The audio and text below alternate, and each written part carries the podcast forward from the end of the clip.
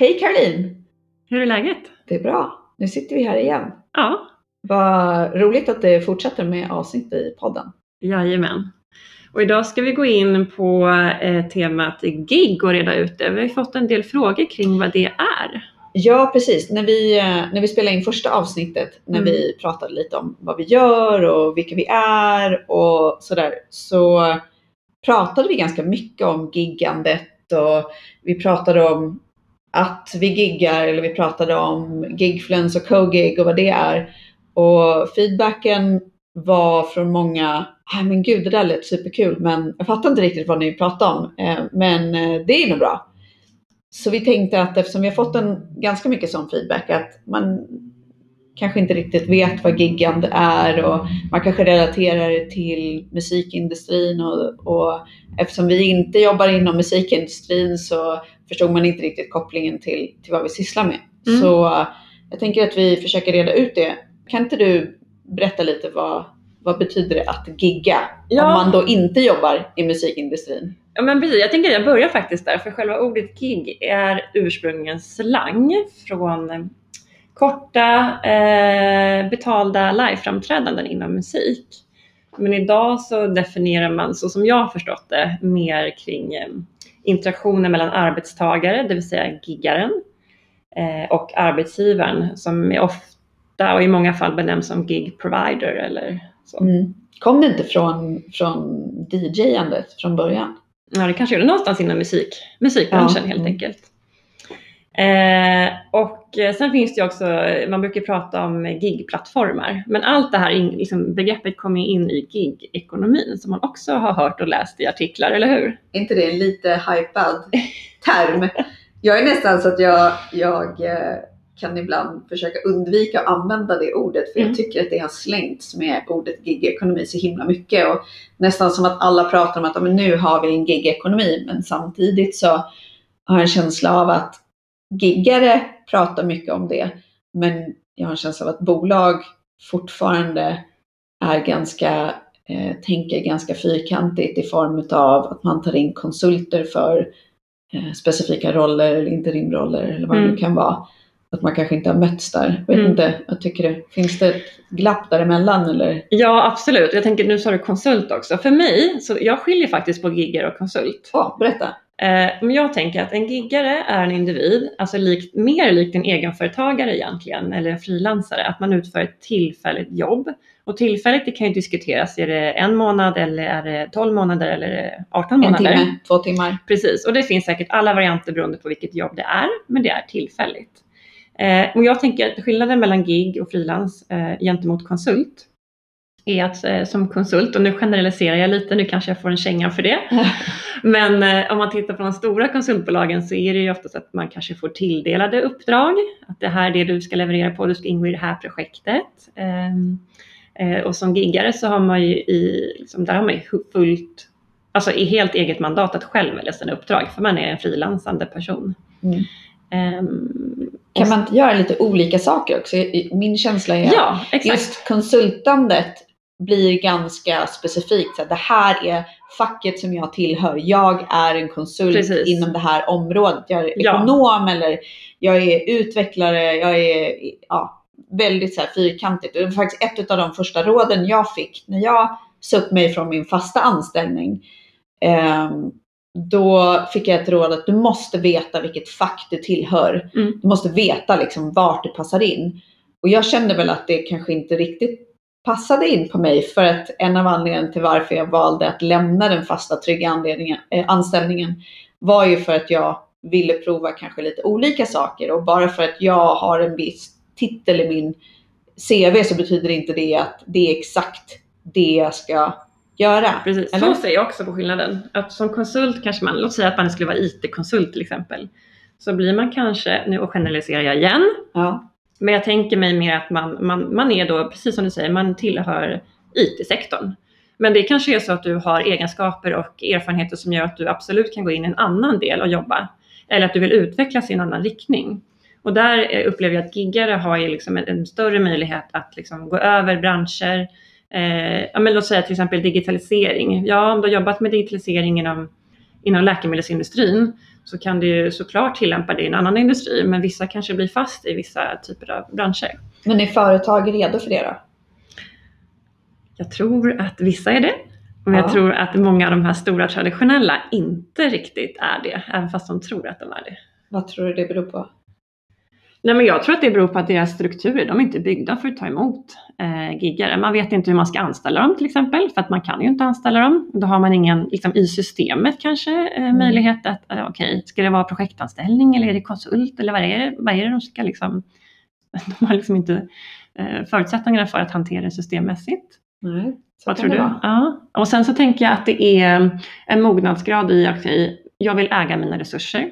Jag tror det är väldigt många som känner så här, jag har investerat, jag väljer att investera tid, pengar, engagemang i den här individen. Då vill jag att personen ska vara anställd hos mig, det vill säga att man tror att det finns större sannolikhet att man stannar kvar. Och det finns det ju säkert i många fall, men, men det finns ju också många fall där, där de bästa kanske inte alls vill vara fast utan helt enkelt ha en frihet att kunna göra någonting annat eh, och inte bli styrd och liksom få sin karriär styrd och eh, sin utveckling styrd och så vidare. Men jag upplever att även företag som är öppna för konsulter. Mm. eh, Okej, det finns ju en rädsla i kanske att man får en typ av liksom brain drain, att, eh, att folk hellre lämnar och vill konsulta. Eller det kanske finns en rädsla för att själva kunskapen som en konsult då har när konsulten slutar så tappar bolaget den specifika kunskapen.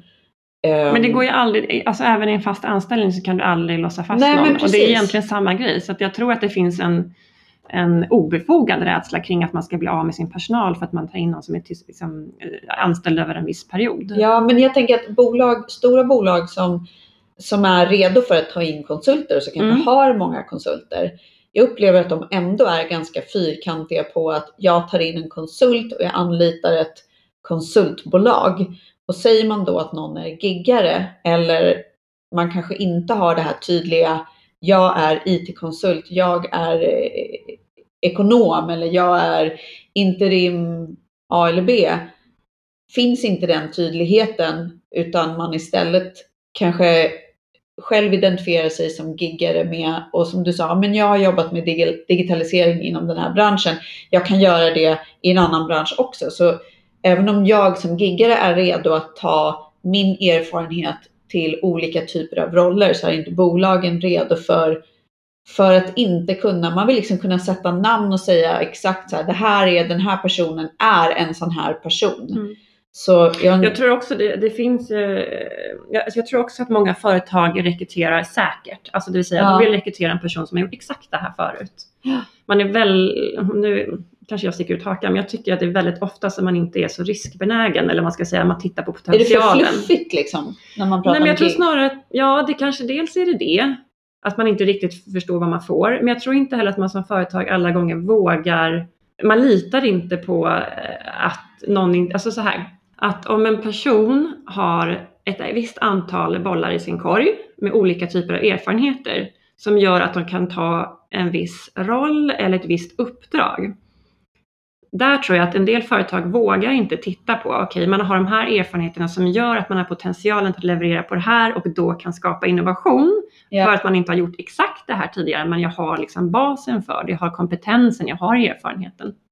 Jag tror att många företag väljer att ta in de som har gjort någonting förut, därför Ja. att man har en bevisad erfarenhet av exakt det här. Men Och det jag tror kan, att det är där giggarna Eh, alltså behöver egentligen bevisa sig bättre, eller kanske profilera sig bättre. Eller, eller liksom så. Men jag tror att många företag är rädda för just det, det okända, eller att de inte riktigt ser eh, beviset. jag kommer tänka på en sak när du sa att, att eh, en giggare som då kanske har vissa erfarenheter från olika roller. Om man tar in en giggare på någonting som det kanske inte är exakt det de har gjort 50 gånger tidigare. Men de har en stor potential att med sin breda bakgrundserfarenhet faktiskt skapa innovation. Så det får man ju tänka lite på det här. Vi hade ett avsnitt förut med Peter Melin från Sodexo. Och han pratade om att Sodexo hade ofta försökt att själva vara innovativa. Jag tror att det är många bolag som vill ha innovationen inhouse. De vill att innovationen ska komma från de anställda och liksom från internt ifrån. och inte från någon separat enhet. Och det var väl det som de gjorde lite annorlunda på Sodexo också, att de insåg att det är svårt att vara innovativa, speciellt om man är ett stort bolag, man har tunga processer, kanske ganska långa ledtider för att skapa förändring och så vidare. Så kan man ta in någon utifrån som kan vara innovativ och som kan ha en bra påverkan. Det, det kommer göra att hela bolaget som sådant blir mer innovativt. Och så tänker jag lite på giggare också. Jag tror att det är många företag kanske som är rädda om man, man vill ha just det innovativa och den delen där man kanske väljer att satsa på någon. Då vill man satsa på en anställd som sen utvecklas och så har man kvar det. Men faktumet är ju också att många anställda som då kanske får en ny roll där man utmanas. När man väl då har utmanats och lärt sig och blir bekväm med den rollen, då väljer man att gå vidare. Och då tappar man ju de människorna i alla fall. Och som sagt var, de som är anställda blir ofta väldigt knutna till bolagets interna processer, intern politik och så vidare. Så jag tänker att ja, det handlar nog om en mognadsgrad, men det har nog också med att göra med hur man arbetar med innovation och, mm. och just det här hur riskbenägen man är. Det mm. kanske inte är så att just den här biten med innovation är det som kommer ge jättestort utfall i, när man tittar på bolagsvinsten. Men det kanske påverkar arbetssättet och människor runt omkring. Mm. Jag läste en, en eh, studie som Forbes gjorde 2014 och där såg de att individer som byter jobb ofta, de tros ha en högre inlärningskurva och vara högre presterande och till och med vara mer lojala. Och jag tror att det handlar om att man när man, är, när man jobbar för en arbetsgivare en kortare period så är man ju väldigt, väldigt mån om att göra ett gott intryck på den korta perioden som man stannar hos den arbetsgivaren. Ja. Så jag tror absolut att tidsbegränsade uppdrag eh, kan vara mycket mer givande för företag, eh, få in andra typer av kompetenser, se någonting nytt, men också få riktigt lojala, högpresterande personer. Jag tror att det, eh. det blir en, jag tror att tar man in, tar man in giggare i sitt bolag så dels som sagt var så tror jag att det boostar innovationen. Ja, men jag tror nog att de är ganska högpresterande, men jag tror att det smittar av sig på andra anställda också. Det är ju ett sätt verkligen att om du har ett specifikt problem så istället för att behöva vika interna resurser, kanske gå, um, gå igenom tunga processer så kan du ta in någon utifrån så kan du ta in någon som jobbar specifikt med det som då inte kanske störs av interna andra frågor eller som anställd så blir man ju ofta involverad i alla möjliga olika frågor och uppdrag och som giggare som kommer in på ett ställe så då, håller, då fokuserar du på det uppdraget som du har fått och den problemställningen du har blivit ombedd att lösa. Mm. Men vad tror du Malin är, var, varför vill folk börja gigga? För nu, det man har sett är, man har ju sett en utveckling hos giggarna, att man kanske börjat, ja det började ju liksom i de lågkvalificerade arbetena. Vi känner ju alla igen Uber och Foodora, matleverantörer och så vidare. Men nu börjar det här ganska snabbt komma in på mera högutbildade roller och ja. akademiska roller. Vad tror du det är som driver att folk vill gigga? Jag kan ju utgå lite från mina egna erfarenheter också. Att det jag tror att det finns en stark vilja hos människor att ja, men faktiskt kunna själv styra mer av vart livet tar vägen. Det är ju ändå det är många timmar man spenderar på en arbetsplats. Och kan du spendera de timmarna, även om det är på en arbetsplats, men en arbetsplats där du känner att du har möjlighet att påverka. Du har möjlighet att påverka inte bara hur mycket du jobbar, utan när du jobbar, vilka typer av uppdrag du tar. Ja, men jag tror att det, jag tror att det spelar in. Mm. När jag pratar med, med eh, personer i vårt nätverk så är det precis det de säger också, att man, man är intresserad av att driva sin egen karriär, att själv bestämma sin karriärsutveckling. Inte följa en karriärstrappa som finns utstakad på många företag. Eh, och man vill kanske också testa lite nya områden, bygga vidare sin kompetens utifrån sin bas som man står på. Eh, absolut att man vill kunna styra sin tid. Vissa perioder i livet så vill man ha en annan typ av flexibilitet och det kan Ja. vara ju allt ifrån i tid hur man jobbar men också var man jobbar. Det är många roller som man kan jobba hemifrån eller man kan eh, mixa, blanda och det, det finns verkligen, jag tror att flexibiliteten är extremt attraktiv hos Ja. eh, många giggare. Både i karriärsutveckling och eh, den personliga liksom, livsstilen. Ja, men, och jag, jag tror just det här med flexibilitet, det är så mycket, det är så mycket som vi idag ska klara av och vi ska klara av att vara fantastiska på våra jobb. Vi ska klara av att vara fantastiska föräldrar. Vi ska klara av att ta hand om ja, men, hus och aktiviteter och eh, oss själva och våra partners och våra vänner och vi ska vara bra mammor och papper och systrar Mm. och bröder och, och kompisar och vad det nu kan vara. Sen tror jag också att sociala medier påverkar ganska mycket. Jag tror att folk har, har liksom en stark vilja av att, eh, ja, men att verkligen göra någonting som gör att man känner sig fulfilled, som Mm.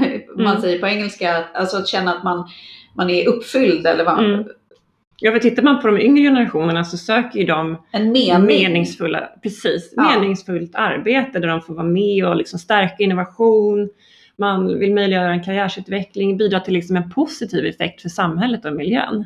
Ja men för idag om någon säger, ja men den här personen har haft en så fantastisk karriär på det här bolaget, de har jobbat på det här bolaget från de var 18 år tills de gick i pension. Om man tittar på dagens generation som är ute i arbetslivet så är det inte någonting som man... Jag kan faktiskt dela en studie där också. Ja. Jag, jag gillar det här med fakta. Men redan år 2025 så kommer millennials, alltså de som är födda 85 till 94 och generation Z då, som är födda efter 95. De kanske inte har kommit ut i arbetslivet riktigt än, men På G. Eh, ja, precis. De kommer utgöra två tredjedelar av den globala arbetskraften. Så det är liksom en stor andel. Och, och enligt Deloittes eh, studie då, som de gjorde 2018 så förutser man att 43 procent av millennials kommer att lämna sitt nuvarande jobb inom två år. Och endast 28 procent önskar stanna längre än fem år om de fick välja själva. Ja. Och den siffran för generation Z är högre. Så det vi ser eh, i den yngre generationen är att de, de, de vill framåt, de vill testa på, de vill, liksom, de vill utvecklas, de vill Man lever för sig utmana. själv, inte för andra. Precis, ja, och det innebär att man kommer söka sig vidare. Och utifrån det här så tror jag att gig är ju ett koncept som passar dem väldigt bra och därför måste företagen ställa om om de vill ha de bästa personerna och fortsätta vara innovativa. Ja. Jag är helt Och jag- övertygad om det. Men sen så givetvis behöver man ju andra delen också. Man behöver fastanställda, man behöver den här långsiktigheten, man behöver den här liksom, eh, den delen. Men, men man måste också börja våga ta in den andra delen och komplettera tror jag. Ja. Det ena kan inte liksom vara utan det andra, men Nej, nu är det dags som- att anpassa sig efter vad som händer i arbetsmarknaden. Ja, men jag tror det är ju som du säger. Dels så tror jag att företag behöver anpassa sig att vara mer vänligt inställda till giggare. Sen tror jag att företag behöver anpassa sig och vara mer vänligt inställda till eller ha ändra sina förväntningar på vad förväntningarna på en anställd är och hur länge en anställd kan tänkas stanna. Eh, det är ju bättre att du får, om en person stannar två år på ett företag, säg, och det är två fantastiska år. när personen gör sånt fint avtryck i ditt bolag. Då är det mycket bättre än att om du har någon som stannar tio år som går på halvfart hela tiden som kräver ganska mycket energi och resurser från dig. Och Som även om du har någon som går på helfart i tio år så behöver du ändå få dem som roterar för att kunna skapa kunskapsutbyte och liksom få in lite andra influenser som Ja. ett komplement. Så jag tror definitivt att båda delarna behövs. Då. Mm. Men eh, på tal om båda delarna. Mm. ehm, du driver ju Cogig. Mm. Och jag tror att när vi först träffades så det tog ett litet tag innan jag förstod vad Cogig var för någonting. Och jag har ju Gigfluence som förvisso också har med giggandet att göra. Men, men på min sida så, så handlar det ju mer om att dela information och, och få folk att, och förstå och hitta vägar framåt. För det kan, man ska säga att väljer man att ta vägen som giggare så är det ju ganska otydligt vad som gäller och hur man tar sig fram i den världen fortfarande. Så det är väl syftet liksom med Gigfluence som jag driver. då. Men Ja, för där presenterar du olika gigplattformar och gigaktörer bland annat. Bland annat, ja. Eh, och Och bloggar lite om giglivet eh, generellt och tips och råd. Och, och det har ju att göra med att när jag själv sa upp mig så insåg jag att det var liksom en djungel. Vill, söker du anställning och söker jobb så finns det jättemycket information om hur skriver du CV och här hittar du alla lediga jobb och så vidare. Det är inte lika enkelt om man, eh, om man kommer in i gigvärlden. Men det jag tänkte säga med just det här båda delarna, kan inte du berätta vad CoGig gör och varför ni är annorlunda? För jag tänkte först när vi såg tänkte jag så här, ah, ja men hon driver någon så här form av konsultfirma. Liksom. Men det var inte riktigt det du gjorde utan du brinner ju verkligen för det här med giggandet. Ja, Kanske till och med mer än vad jag gör. Nej, men jag tror väldigt mycket på det konceptet. Jag har jobbat som rekryterande chef i många år och även de som jag, mina kollegor i företaget har också gjort det i många år. Och vi har sett att det, det, är, det är, ibland är det väldigt svårt att hitta rätt eh, kompetenser. Och eh, vi, ser, vi har ju också ett stort nätverk med en stor andel kvinnliga ingenjörer från våra talangprogram som går in, som vi har följt under många år och där började vi se en rörelse ta form eh, ett tag tillbaka i just eh, med anledning av de sakerna vi har sagt här nu, att man vill skapa sin flexibilitet, man vill äga sin karriär och så vidare. Så att vi såg det hända eh, och vi har själva haft svårt att rekrytera och då eh, började vi prata om, om gig helt enkelt som en arbetsform och utvecklade då CoGig. Eh, och eh, inom CoGig så erbjuder vi då eh, giguppdrag, alltså tidsbegränsade uppdrag för akademiker och vår nisch är då främst kvinnor, med att vi har mycket kvinnor i nätverket inom ledarskap och digitalisering och teknik. Men vi har ju också vanliga rekryteringar för de behövs ju också fortfarande. Ja. Ehm, men vi tror också väldigt mycket på eh, team. Och där har vi inte sett så många aktörer ännu faktiskt. Men vi tror att, man, att många företag kommer ha ett större behov av att plocka in giggare i team. Det vill alltså, säga att man kan som giggare äh, approchera ett uppdrag och säga så här, ja ah, men det här uppdraget tror jag att jag skulle ha rätt kompetens och erfarenhet för och eh, jag skulle till det behöva x procent av den här profilen och x procent av den här profilen och tillsammans skulle vi leverera på det här uppdraget eh, under den här tiden. Eh, och där, visst det kanske man gör med konsultfirmor också, men här liksom blandar vi ju kompetenser på ett helt annat sätt. Det är inte bara en IT-konsultfirma som kommer in med olika IT-roller, utan här kanske du har någon med branding, du har någon från digitalisering, du har någon från, som kan en viss teknik och så vidare.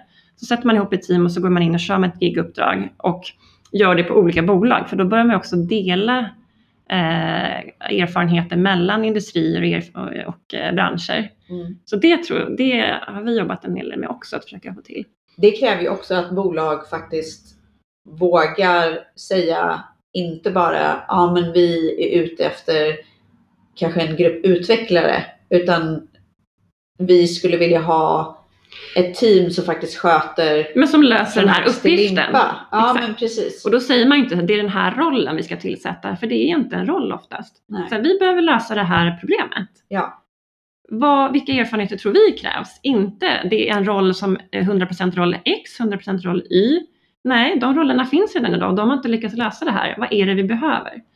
Um, så det tycker vi är väldigt spännande och det kopplar väldigt tydligt an till gig också för att det är ett tidsbegränsat uppdrag har, med akademiker. Vad har ni fått för feedback från bolag när ni presenterar den här idén? Eh, extremt positiv därför det, det som är intressant är att företag vet inte vad de inte vet. Nej. Människor vet väl inte vad de inte vet kanske generellt. Ja, ja men precis. Och, och det, till exempel när man rekryterar då så eh, om man nu rekryterar till en, en eh, låt säga en eh, business controller. Eh, förr i tiden så kanske rollbeskrivningen för business control såg ut så här, x, x, x, de som kunde det här, de jobbar i Excel, da, da, da. Idag så är inte eh, kompetenserna detsamma som de var ens för fem år sedan. För nu Nej. jobbar man mer digitalt och så vidare. Och så vidare. Och det innebär att när man rekryterar så vet man inte riktigt vad man behöver längre. Eh, så det jag menar på att man vet inte vad man inte vet, det gör ju också att gig-konceptet blir ganska intressant återigen, därför att då kan giggarna själva säga så här, hej jag är erfarenhet av det här och det här, jag kommer kunna driva utvecklingen i det här området. Um, och då kommer de bara, okej, okay, men det är det här jag behöver. Jag visste inte att det var det här, men nu har någon förklarat för mig att det är det här jag kommer behöva. Ja, men du, när du lämnade Astra så lämnade du Astra för att starta igång Cogig. Ja. Men du har ju själv också tagit egna uppdrag och så. Mm. Vad, var din, vad har din erfarenhet varit? Liksom, vad, har varit vad har varit roligt? Vad har varit svårt? Hur, hur har det känts själv att bli en giggare? Mm. Jag giggar ju tre dagar i veckan nu och sen kör jag mitt egna företag CoGig då, resten av tiden. Och eh, jag tycker det har varit en helt fantastisk balans. Det passar mig perfekt. För jag gillar fortfarande det här med storbolag och jag gillar det här liksom med struktur och processer. Jag är uppvuxen där. Ja. Men samtidigt så gillar jag det här att få utvecklas vidare, testa nya saker, liksom se nytt. Och gigkonceptet där tillsammans med det egna är helt perfekt. Alltså. Jag tror det som har förvånat mig är med att gigga är att det känns som att man är eh, fast anställd. Alltså jag går in med den attityden. Jag går in med att jag ska leverera topp på det här bolaget. Eh, jag beter mig som att jag är fast anställd. Jag är en del av personalen. Det här är mitt team som jag är chef över. Jag är enormt engagerad i personalen. Eh, så för mig är det ingen skillnad på så sätt. Men skillnaden ligger i att jag har valt mitt uppdrag. Ja. Och jag har en frihet att styra det uppdraget på ett helt annat sätt än man har som anställd. Det är du som har valt att göra det uppdraget därför att du tycker att det är någonting som är roligt och som Ja. ger dig någonting. Ja, och eh, också kunna styra min tid. Så att i början började jag 100% för att komma in ordentligt i min roll och liksom komma in i företaget. Och sen har jag gått ner lite i tid nu för att kunna göra andra saker. Så länge jag liksom ser till att jag kan leverera det. Ja. Eh, Och det har funkat jättebra för, för båda parter. Men jag tänker det är ju inte, Men jag vill verkligen trycka på det, för jag tror att många tror att giggare, liksom, man kommer in som en, och det kan ju också konsulter ibland få kritik för, vilket jag tycker är lite felaktigt. Men, men eh, både giggare och konsulter går ju verkligen in helhjärtat i företag och sina uppdrag. Eh, och jag tror de flesta känner sig verkligen som en del av teamet och blir sedda som en del av teamet också. Eh, men jag tror att det liksom från ett företagsperspektiv ibland kan finnas eh, en oro kring att det inte är så, att man måste vara fastanställd för att bli en del av kulturen. ja. Sen behöver man ju såklart alltid se till att individen passar med kulturen, det är ju en helt annan femma. Men eh, jag tror att vi alla verkligen är, Jag skrev faktiskt om det på Gigfluence en gång. Just det här, eller jag skrev inte specifikt om att när man kommer in som, som giggare att man inte blir, eh, vad ska man säga, att man inte får samma förutsättningar som de som är fast anställda. Men däremot så, någonting som har slagit mig i de bolag där jag har varit är att det, det har varit skillnader mellan bolag i hur man behandlar konsulter och speciellt när det kommer till feedback. Alltså det finns på vissa bolag så finns det en känsla av att den där personen är bara konsult. De ska bara göra vad de blir tillsagda och man kanske inte lägger ner tid på att faktiskt ge feedback eller man kanske tar in en konsult eller om man även säger så här, men vi tar in en giggare. Så det är otroligt viktigt för, för bolagen att de ger förutsättningar för de som kommer in, se till att det finns som för alla anställda tänker jag. Ja, men jag tänker så här, speciellt om du går in som konsult eh, eller om du går in som giggare på ett bolag så är det ju viktigt att det finns resurser runt omkring på bolaget som då faktiskt har en öppen dörr så man kan komma och få information från att det att företaget är tydliga med vem man kan vända sig till i vilka frågor.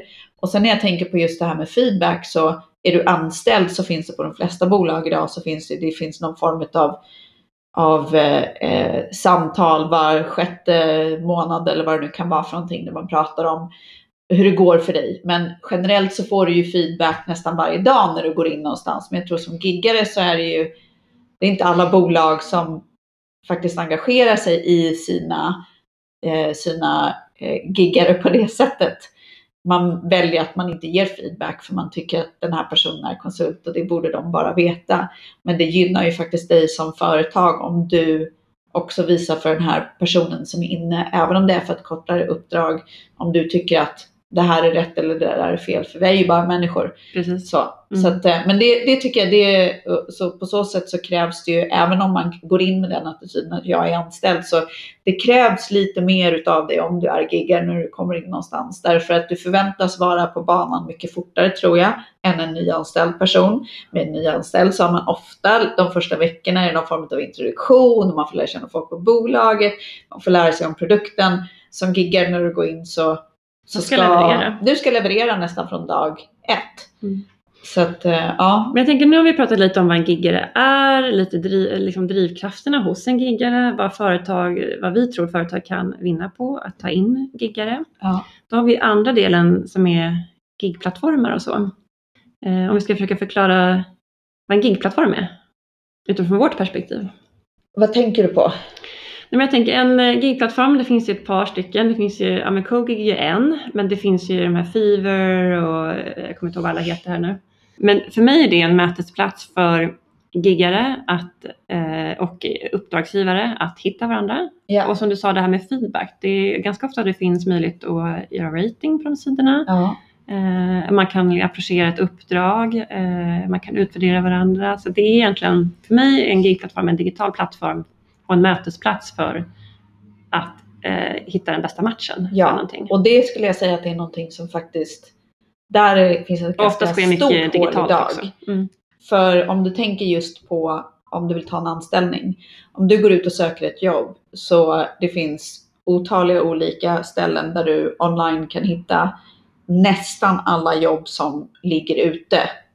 Eh, går du till Indeed till exempel så kan du gå och söka alla möjliga olika jobb och prenumerera på, på nyhetsbrev för nya jobb som kommer ut och så vidare. Och det är tydligt vilka, olika, vilka rekryterarna är för olika, eh, för olika anställningar. Men när du kommer till giggandet så ja, vissa grejer ligger, vissa positioner ligger ute, vissa konsultuppdrag ligger ute. Men ska du hitta dem så ofta, även om du kan filtrera på, på kortare korttidsuppdrag eller du kan filtrera på konsult så då får du ofta allt därför att då får du alla bolag som har både anställningar och konsultuppdrag. Det blandas i en stor mix och det är extremt tidskrävande. Man måste liksom veta vilka, vilka gigförmedlare finns det där Mm. ute. Mm. Och där skulle jag säga att det är en ganska, ett ganska stort glapp idag. Så Mm. det är svårt att veta vilka som är gigförmedlare. Det är otroligt svårt att veta vad gör de här för någonting. Okej, är Då kan man gå in på, till dig på Gigfriends. Ja, Du reder men, ut och, det. ja men absolut, det gör vi. Och, men det är det så här. Okej, om jag får veta då att det finns en gigförmedlare som heter Cogig, hur vet jag att det är rätt? Din nisch liksom. Ja, hur Mm. vet jag att det är rätt för mig? För folk tar ju beslutet att gigga ofta därför att man kanske vill ha mer flexibilitet och man vill bestämma själv. Men har du inte ett nätverk som gör att du kan fixa dina egna uppdrag så gäller det att du hittar rätt partners. Mm. Och det är det är otroligt här plattformen. svårt. Ja, det är otroligt svårt att hitta vil, vad de gör och vad är de bra på och också hur tycker deras, eh, de giggare som, som då är anknutna som kanske underkonsulter om man använder traditionella termer. Vad tycker de om, om de här bolagen och hur mycket tid och energi och, och, och liksom kärlek investerar gigförmedlarna i sina giggare? Mm. Och det varierar nog, det, det var ju en ganska stor frustrationspunkt för mig tror jag när jag sa upp mig. Var att okej, men nu vill jag då samarbeta med olika gigförmedlare.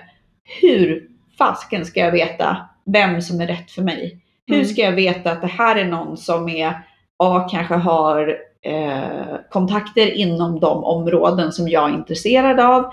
Hur ska jag veta eh, rent prismässigt hur de ligger?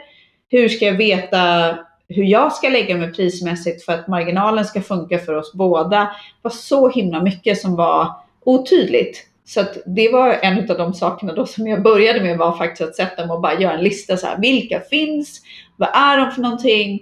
Är de bra eller dåliga? Och så vidare. Så det håller jag på med och det bygger jag ut allt eftersom jag går. Så min förhoppning är att de som kommer efter ska kunna hitta information på ett, på ett bättre sätt. Och sen Mm. får vi se om hur vi bygger ut det där. Men det, Men Jag ja. håller med om att det är, det är ju såklart det är ju en djungel här nu i uppstarten med hela gig-ekonomin för Sverige. ja, och det är väl det som kan, om man tänker den tryggheten som en fast anställning ger.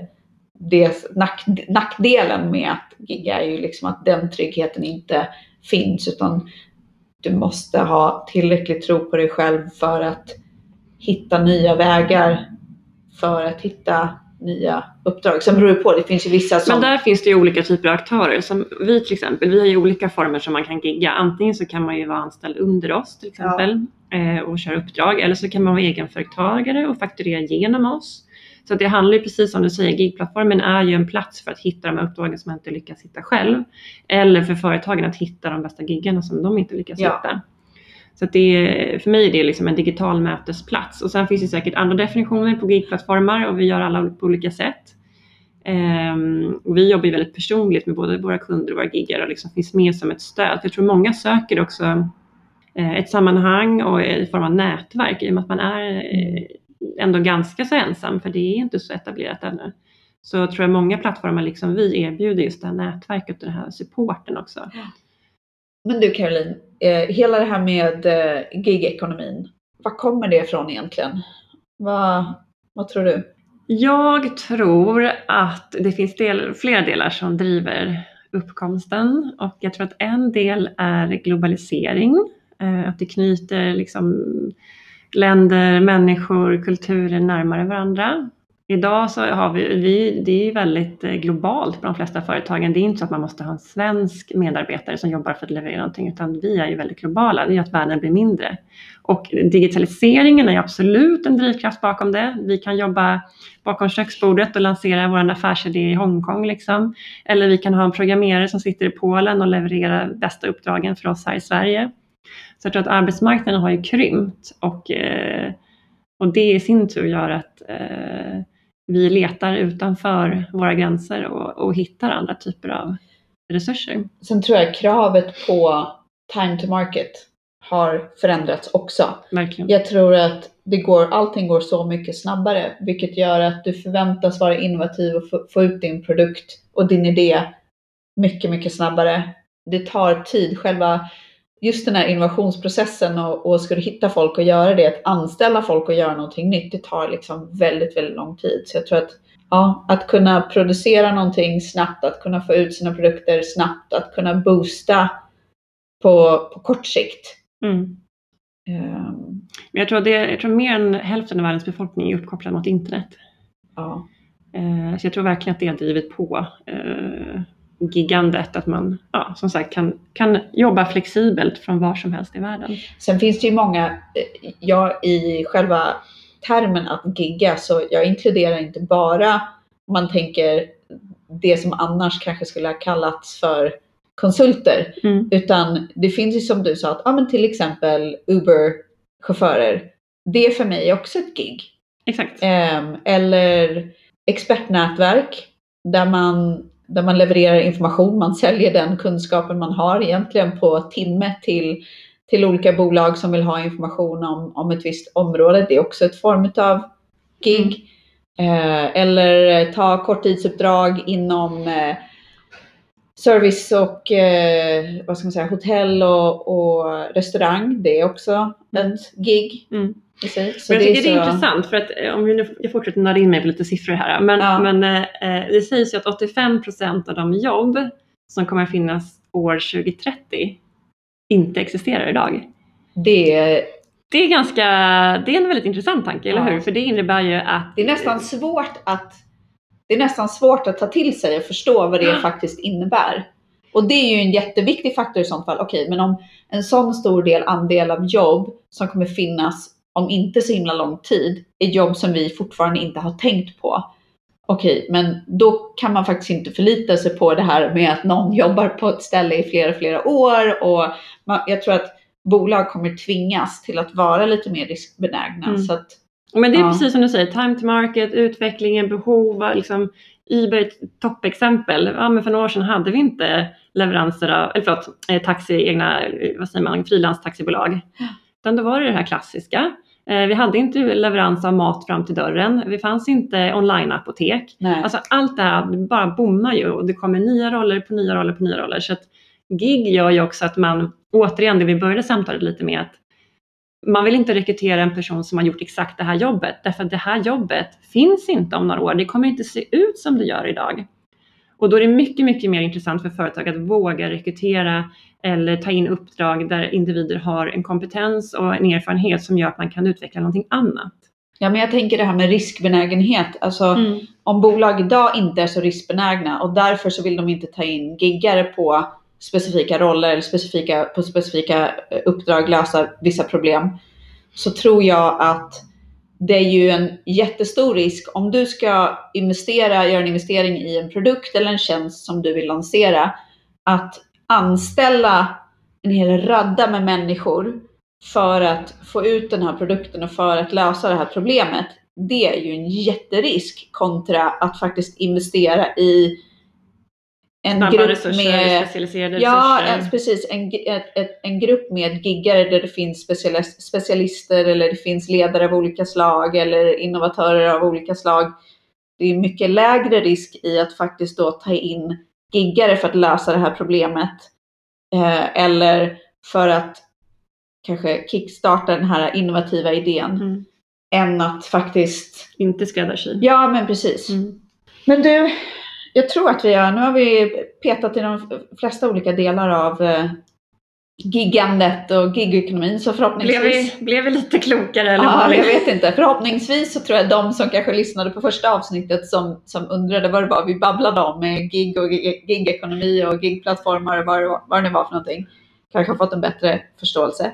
De har fått några svar men kanske nya frågor. Men då Ja. tar vi det i ett annat avsnitt. Och jag skulle tippa på att det är en hel del människor som, som också kanske inte håller med om Absolut. vad, vad, vad vi tycker att Precis. är för någonting. Mm. Så. Mm. Ehm, Men Ja. eh, vill ni ta kontakt och berätta om ni håller med eller inte håller med så kan ni höra av er till oss, kogig.se och gigfluence.com precis, eller mejla oss på rik eller lik gmail.com. jajamensan. Ha det bra. Ha det bra, hej! Hej!